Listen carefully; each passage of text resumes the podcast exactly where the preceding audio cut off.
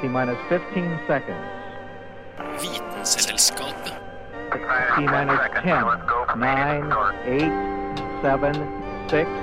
We have main engine start. 4, 3, 2, 1, and liftoff. Vitenselskapet. Vitenselskapet på Radio Nova.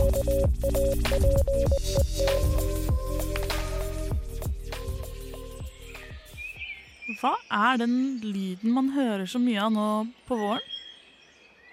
Jo, det er vår, solen er ute, og det er fugler overalt! Og det er nettopp det vi skal snakke om i Vitenselskapet i dag.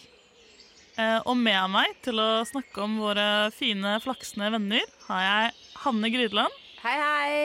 og Kristin Grydland. Kræ, kræ. Hva slags, eh, hva slags fugl er det vi har eh, i studio her, Kristin? Det er en slags uh, utrolig snakkende fugl. Snakkende fugl? Ja. Og hun heter Kristin. Er, du, er det din first zone, er det det du sier? si? Fugl. Du har, også brukt du ditt eget navn?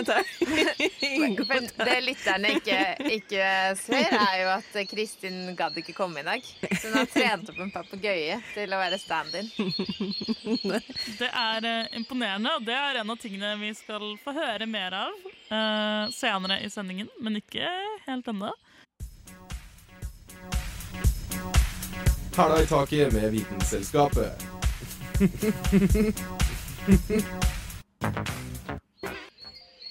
Jeg tror ikke du sa hva du selv het. Hva heter jeg egentlig? Eh, jo, jeg er Julianne Li Fjell. eh, og Kristin Gridland. Det er meg. Ja, du er så engasjert om fugler. Men det er én spesifikk fugl som har engasjert deg litt ekstra i det siste, har jeg skjønt. Ja, fordi at eh, jeg er ikke så veldig engasjert i fugler. Det vil si, jeg liker Jeg syns fugler er veldig kule, men eh, jeg, jeg ser Jeg husker ikke forskjellene på dem. Jeg, jeg prøver å lære meg navnene og hvordan de ser ut, og kanskje litt hvordan de høres ut også. Elendig på det. Klarer ingenting. Det er ingenting som fester seg. Men selvfølgelig, jeg kan jo de, basic eh, fuglene. Blant annet spurv, og det er akkurat det jeg har tenkt å snakke om her i dag. Men ikke hvilken som helst spurv. Denne spurven er en kjendis. Kanskje dere har sett den? Har dere sett en kjendis? Nei, ikke, ja, jeg vet ikke. Ikke så, ikke den typen kjendis. Altså, Jeg vet ikke hvordan du kunne gjenkjent en kjendisspurv. De ser jo helt like ut alle sammen. Ja, det skulle man tro, men denne spurven er en kjendis nettopp fordi at den ikke ser ut som alle andre spurver. Det er en spurv som jeg har sett flere ganger tidligere, og jeg blir like glad hver gang jeg ser den. Den holder til på Majorstua T-bane, eh, og der eh, spretter den rundt, så jeg har ikke sett den fly da. Jeg har bare sett den liksom sprette rundt på bakken der og lete etter eh, eh, pommes frites og andre ting som sånne spurvefugler lever av når de bor på Majorstua. Den er hvit. Det er en hvit spurv. En berømt hvit spurv. En divaspurv. Jeg vet ikke om den er så diva. Den ser ut som den lever livet helt normalt med de andre gråspurvene. Så jeg vil si at den er ganske down to earth. Men eh, den burde jo selvfølgelig eh, holde, hoden, holde nebbet sitt litt høyere enn alle de andre, for den ser jo så mye kulere enn de andre. Det er altså eh, ikke en albino, fordi den har eh, nebb og øyne som har vanlig farge, men resten av kroppen snøhvit og vakker. Men eh, hvis du sa den ikke var albino, hva, hvorfor er den hvit da?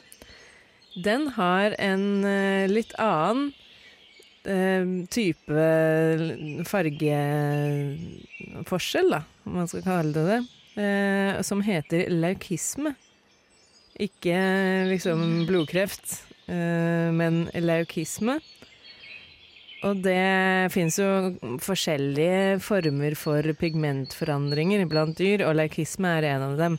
Det betyr at eh, dyret Det kan være et pattedyr også, eller en, et reptil. I dette tilfellet så er det jo snakk om en fugl, da. Den eh, har Den mangler pigment, sånn at den blir helt hvit, men den hadde ikke trengt å være hvit over hele kroppen. Den kunne hatt eh, hvite flekker, eksempel, eller at den bare var en lysere, blassere farge. Men er det liksom litt det samme som vitiligo på mennesker? At man får sånne pigmentflekker? Det er eh, ikke den samme diagnosen. Jeg har Eh. den bare aldri hatt det pigmentet, liksom. Nei, den, eh, den, det er en slags mutasjon eller en eh, forandring i cellene som gjør at når fjærene vokser ut, så klarer den liksom ikke å lage de, det brune stoffet, da, melanin. Sånn at når den eh, spurven egentlig skulle hatt brune fjær, så kommer det ikke brune fjær ut, det kommer hvite fjær. Og det er jo eh, Det er jo en genfeil, men jeg leser også en artikkel hvor det var en eh, ekspert som mente at det kan også forårsakes av hva man spiser, og at den spurven her kanskje rett og slett har spist litt mye junkfood. Eh, Den lever jo tross alt der hvor den lever, og at det rett og slett er eh, feilernæring, da, som er skyld i at den er blitt hvit. Men jeg har ikke sett det her bekrefta noen andre steder, så jeg tar det egentlig litt med en klype salt. Ja, For er det bare én av disse hvite sprutene?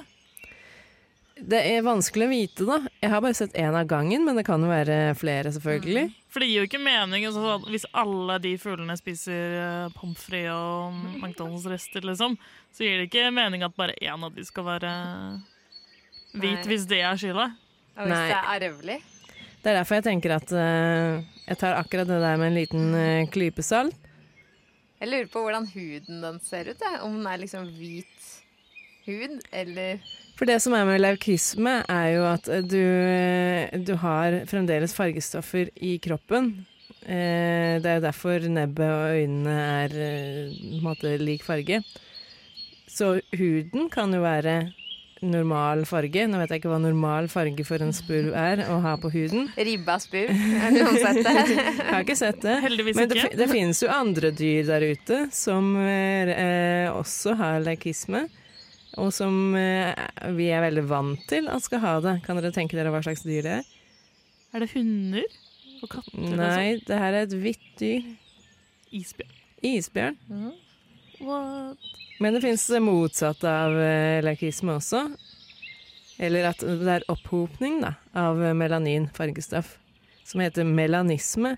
Og en, eh, en sort panter, for eksempel, det tenker man jo er et eget dyr, men det er rett og slett bare en leopard eller jaguar som har fått en opphopning av melanin. Så eh, fargene kan eh, skifte på en fugl og på andre dyr. Eh, og jeg tror vi kan si uh, at uh, akkurat denne spurven på Majorstua sikkert går rundt og sier til de rundt seg at den er ikke som alle de andre spurvene. Veldig stolt. Snakker, om, snakker om fugler av en eller annen grunn i dag. Har dere noen, på, noen gang tenkt på hvordan en fugl faktisk klarer å fly?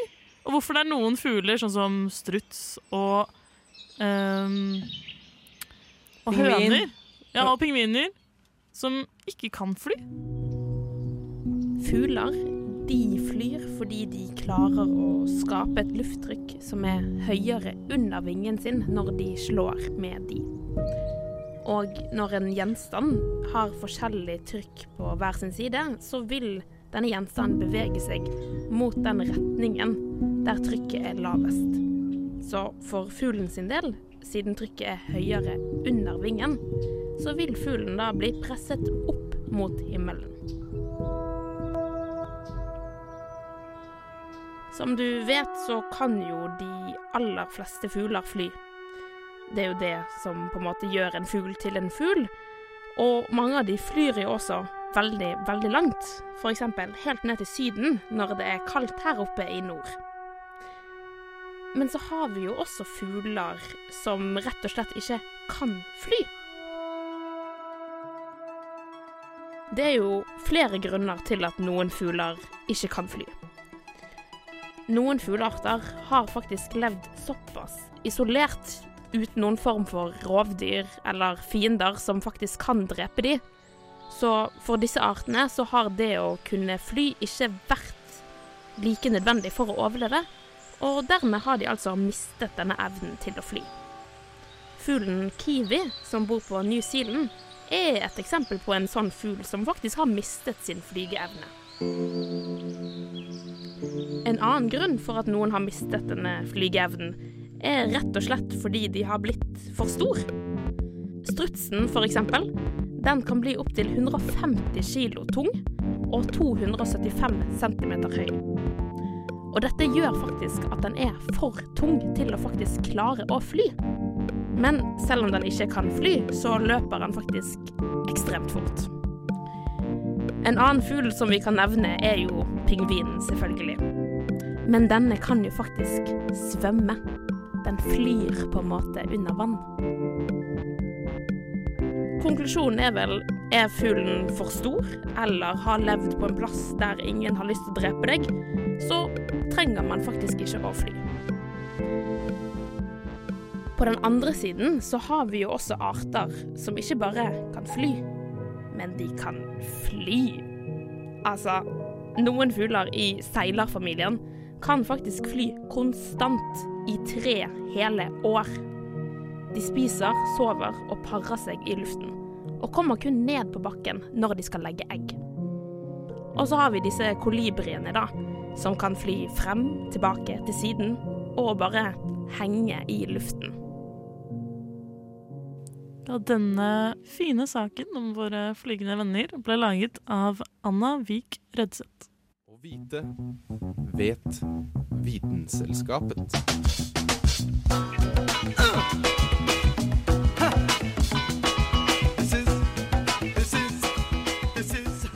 En ting som eh, fugler er kjent for å være veldig gode på, er jo retningssans. Siden alle vet at eh, fuglene flyr, eh, eller mange fugler i hvert fall, flyr sørover om vinteren. Og hvorfor gjør de det egentlig? Eller hvordan er det de klarer å finne veien dit, Hanne? Jo, det er jo et godt spørsmål som ikke bare vi her i studio lurer på, men som faktisk forskerne også eh, fortsatt undres over, da. Hvordan eh, finner trekkfugler eh, på en måte både eh, fram til feriestedet Hvordan klarer trekkfugler å finne fram til Syden-favoritten? Og hvordan klarer de å finne hjem igjen? År Jeg tenker det her kan jo ikke være noe så jævlig vanskelig. Hvis du tenker deg om, så er jo en fugl ganske høyt oppe i lufta når den da trekker sørover eller nordover. Og da ser jo landskapet under akkurat ut som et kart. Det er mye enklere å finne fram på et kart når du ser det ovenfra, enn når du går rundt i terrenget. Ja, og, og fuglene har jo selvfølgelig med seg et lite kart på turen som de ruller frem og, og, og sammenligner med. Eh, nei, altså em, Jeg tenkte jeg kan bruke brevduer som et eksempel, for de er jo mestere i å finne fram. Men uh, Julianne, vet du hvordan trekkfugler, eller hvordan brevduer brukes?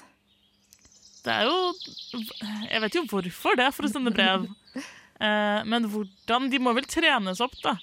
Uh, for ikke, du kan ikke bare gi en due på Majorstua brevet ditt, og så Sende dem av gårde? Nei. Nei, eh, og det er jo mange som tror at det er på en måte det man gjør. At man bare ber fuglen fly et sted på en måte, og så gjør den det. Men du gjør jo ikke det. Du frakter den jo. Du trener den jo opp til å finne til et spesifikt sted. Og så frakter du den fuglen til et annet sted. Og der oppholder fuglen seg til det er på tide å sende en beskjed tilbake til der du dua egentlig hører hjemme, da. Ja, så man trener den ikke opp til å dra dit man vil at brevet skal gå, men å komme seg tilbake. Til å komme seg Altså, hjem. du kan bare, ja, kan bare sende én vei? Ja, ja, ja, ja. Det er bare retur. Eh, og brevduer de er jo kjempekule, for de kan jo fly opptil 1200 km. Som er Du kan ta en brevdue, flytte den til Bodø, og den finner veien hjem igjen. Til her til Chateau Neuf. Men den kan ikke finne veien til Bodø igjen. Nei, Så det det kan ikke. utrolig Det kan ikke. upraktisk. Det er derfor vi har gått over til e-post. ja, det er kun derfor. Eh, men så er jo spørsmålet hvordan finner disse duene fram?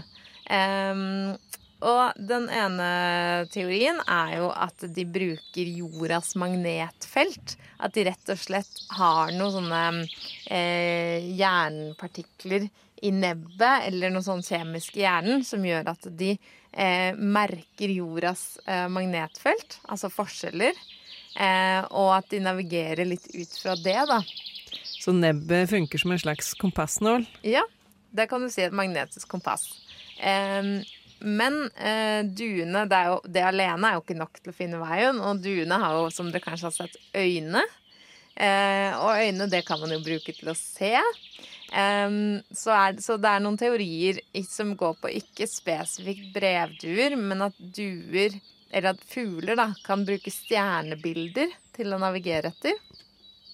Så de må lese horoskopet sitt først, og så ja. Men eh, fordi fordelen med stjernebilder er jo at de er ganske konstante på himmelen. Eh, sånn at du, du, trenger ikke tid for å Du trenger ikke på en måte kunne klokka for å kunne navigere etter stjernebildene. Fordi eh, det er jo også mulig å navigere etter sola eller månen. Men for at det skal på en måte make sense, da, så må du vite litt hvilken tid på døgnet det er.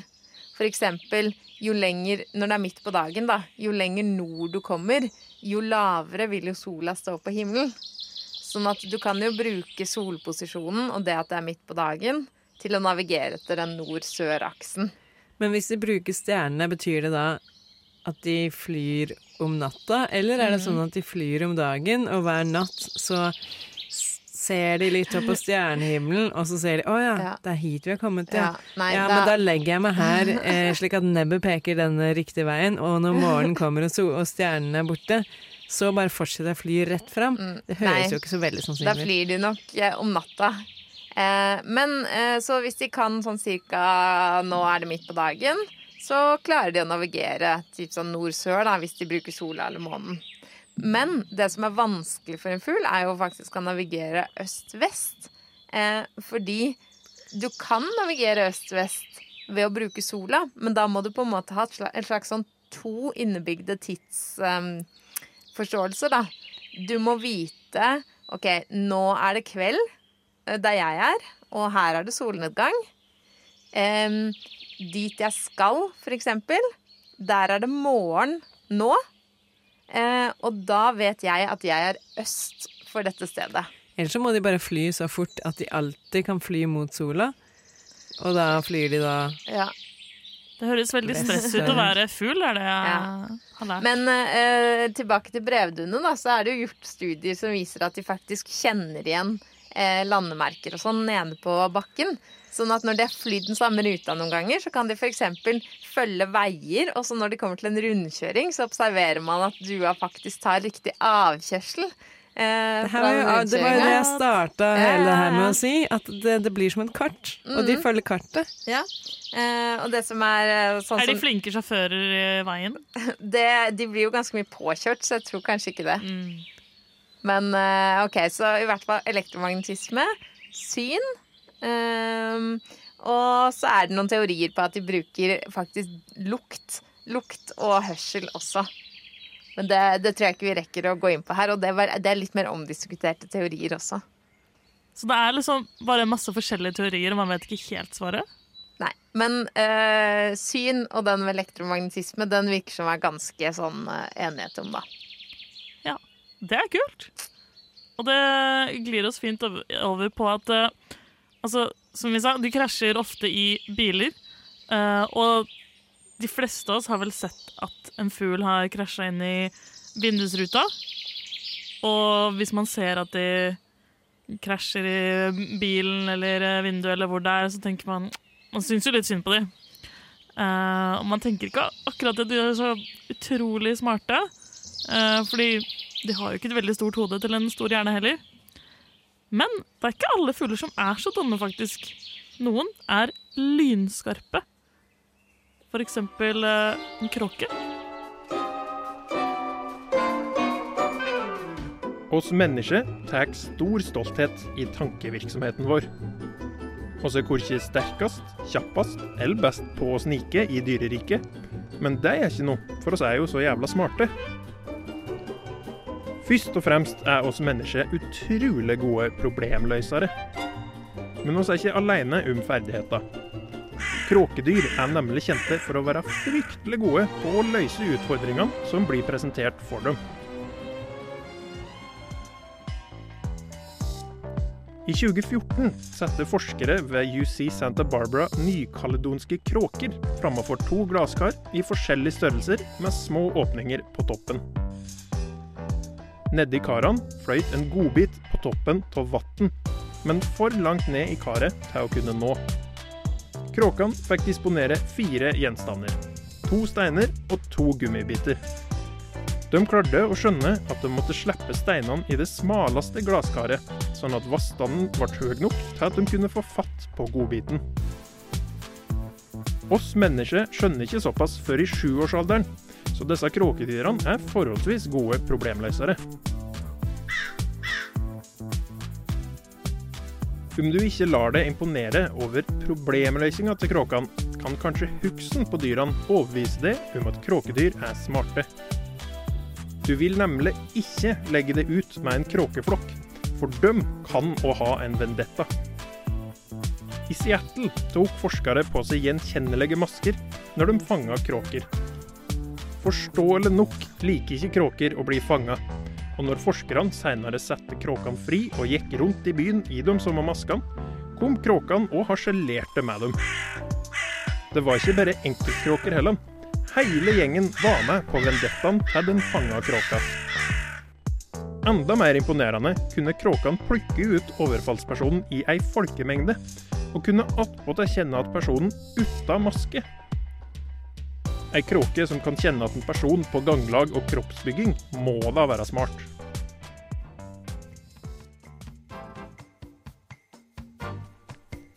Om jeg enda ikke har overbevist deg om at kråkedyr er smarte, har jeg ett til kort i ermet som jeg kan dra fram. Oss mennesker liker å se på oss sjøl som unike, fordi oss har sjølbevissthet. Ikke bare sitter du og hører på Vitenselskapet, du vet at du sitter og hører på Vitenselskapet. Men òg her er det mye som tyder på at oss ikke er alene om å være smarte. Forskere ved universitetet i Tybringen samla i hop noen kråker for å se på hva som skjer inni hjernen deres. Kråkene skulle følge med på en skjerm, og så svare ved hakking om de hadde sett et ljos blinke eller ikke. Et par sekunder gikk fra blinkinga til svarangivelse. Det var altså ikke en direkte respons kråka kom med, men ei avgjørelse basert på informasjonen den helt inni hodet sitt. Svaret var basert på opplevelsen til kråka. I kombinasjon med data over nevronaktivitet tok forskerne dette til inntekt for at kråker har ei bevissthet over sanseinntrykkene sine, og kan kommunisere disse ved behov. Imponerende greier. Når vi har så smarte dyr på jorda, faller tankene fort til at det må finnes intelligente liv der ute i verdensrommet. Jordboeren og kråkevennen bak dette innslaget heter Carl Adams Kahl. Vitenselskapet. Vitenselskapet på Radio Nova.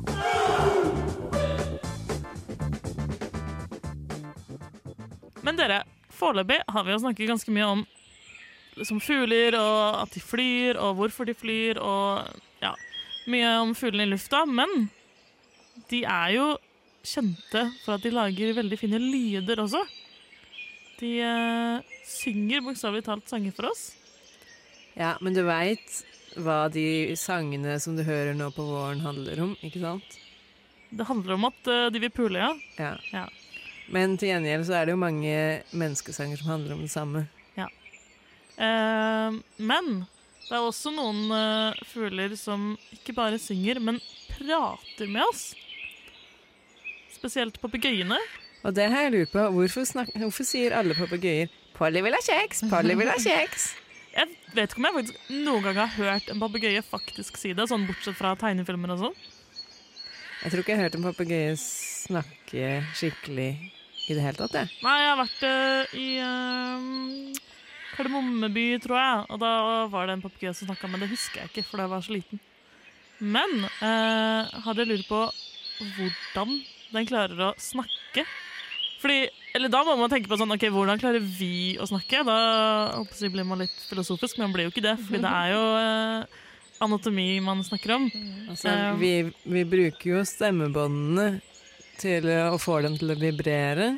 Mhm. Og så kommer lydbølger ut Ja. Inn i mikrofonen, og så magi, og så inn i øret. Men det er jo måten vi former tunga, hvor vi plasserer tunga i munnen og lette munnformen, vil jo også avgjøre hvordan et ord høres ut. Ja, dere er jo inne på noe begge to, fordi man bruker jo først og fremst eh, luftrøret, hvor, eh, som ligger da Ok, Hvis man ser for seg eh, Man må først vite hvordan luftveiene funker hos mennesker. Og hvis man ser for seg en sprettert opp ned, sånn at du har de to på måte, beina på siden, det er lungene. Og så den lange delen, da, som er håndtaket, er eh, luftrøret. Og i luftføret så har man noen folder hos mennesker da, som vibrerer når, som, når luft går gjennom, som da lager lyd i det hele tatt. Og så, som eh, Hanne var inne på, så eh, bruker man munnen, tunga, leppene, eh, tennene sånn sett, da, eh, til å forme spesifikke ord. Men betyr det at hvis ikke vi hadde hatt munn og lepper og tunge og alt det, så hadde vi snakka sånn som man gjør når man eh, har sånn strupesang? Eh, ja, kanskje. Det har jeg ikke tenkt over. Men altså, Det det, er jo mening. teori, Fordi du vet jo sånn. Hvis har okay, hvis man har mista tunga, så klarer man jo ikke snakke i det hele tatt. Men har man mista en tann, spesielt fortennene, så lager man jo la, rare lyder og Ja. Men hos fugler eh, så fungerer det litt annerledes, for de har Altså, luftrøret hos mennesker er det som på engelsk og latin, hvis jeg husker riktig, heter eh, larynx. Og hos fugler så har de noe som heter syrinx, som da ligger på den og på si, ok, Hvis man ser for seg den sprettheten som da man har to bein, og så er det på en måte en kropp, da, så er det ved hoftene, sånn midt imellom der, så ligger eh, syringsen, som er noen muskler eh, som fuglene da bruker til å eh, stramme og slappe av og lage lyder gjennom det. Og ved en kombinasjon av Det kan du se på som liksom sammenligne med eh, luftrørene våre, hvor eh, vi har folder osv. I kombinasjon med at eh, de bruker de musklene, og at de eh, beveger på halsen sin, altså lager halsen litt lengre. Eh, og papegøyer spesifikt, da, som kan snakke med oss, eh, de gjør dette ved at de bruker faktisk tunga si og, og nebbet sitt til å lage lyder. Fordi alle fugler kan jo synge, så alle fugler lager jo lyder. Men eh, papegøyer spesifikt klarer jo å imitere eh, vår si, våre ord. Eh, og det er veldig spesielt, fordi vi har jo noen kompliserte lyder, sånn som vokalene våre, som de da lager ved å, eh, ved å bruke tunga si. Og det er en av de få fuglene som faktisk bruker tunga til å lage lyder, eller sånn spesifikt. Uh, imitere lyder. Men tror du, de tror du de skjønner hva de sier? For jeg har liksom inntrykk av at det er mange papegøyer som veldig lett lærer seg banneord. Men jeg Ja. vet ikke om det stemmer. Jeg, kan- jeg har jo åpenbart aldri hørt en papegøye snakke. Nei, fordi Grunnen til at de snakker i det hele tatt, er fordi det er en sosial ting. Og grunnen til at de da imiterer oss, er jo fordi at de vil på en måte Vi er en del av flokken deres. Eh, Så det er jo på en måte det samme som at man endrer Jeg tenker på det samme som at man endrer dialekt hvis man flytter et nytt sted, eller sosiolekt spesielt, da, for å passe inn og for å føle seg som en del av gjengen. Og at man liksom ja, bruker spesielle ord. Så ja, jeg vil si at det, det på en måte er derfor de gjør det. Eh, og derfor de lærer seg banneord, da, fordi de skjønner at vi, vi liker det, eh, og de vil bli likt.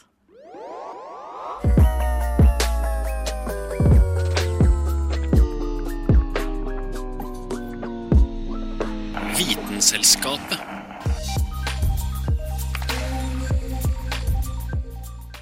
Takk for at du har vært med på eh, flyvningen vår i dag. Eh, Jeg håper du har lært veldig mye om eh, fugler generelt, og de spesielle dyrene som de er. Jeg har vært Julianne Li Fjell. Og med meg i studio har jeg hatt Hanne Grydland og Kristin Grydland. Du kan høre på oss enten på radio, som jeg håper du hører på oss akkurat nå, eller på forskjellige podkastspillere.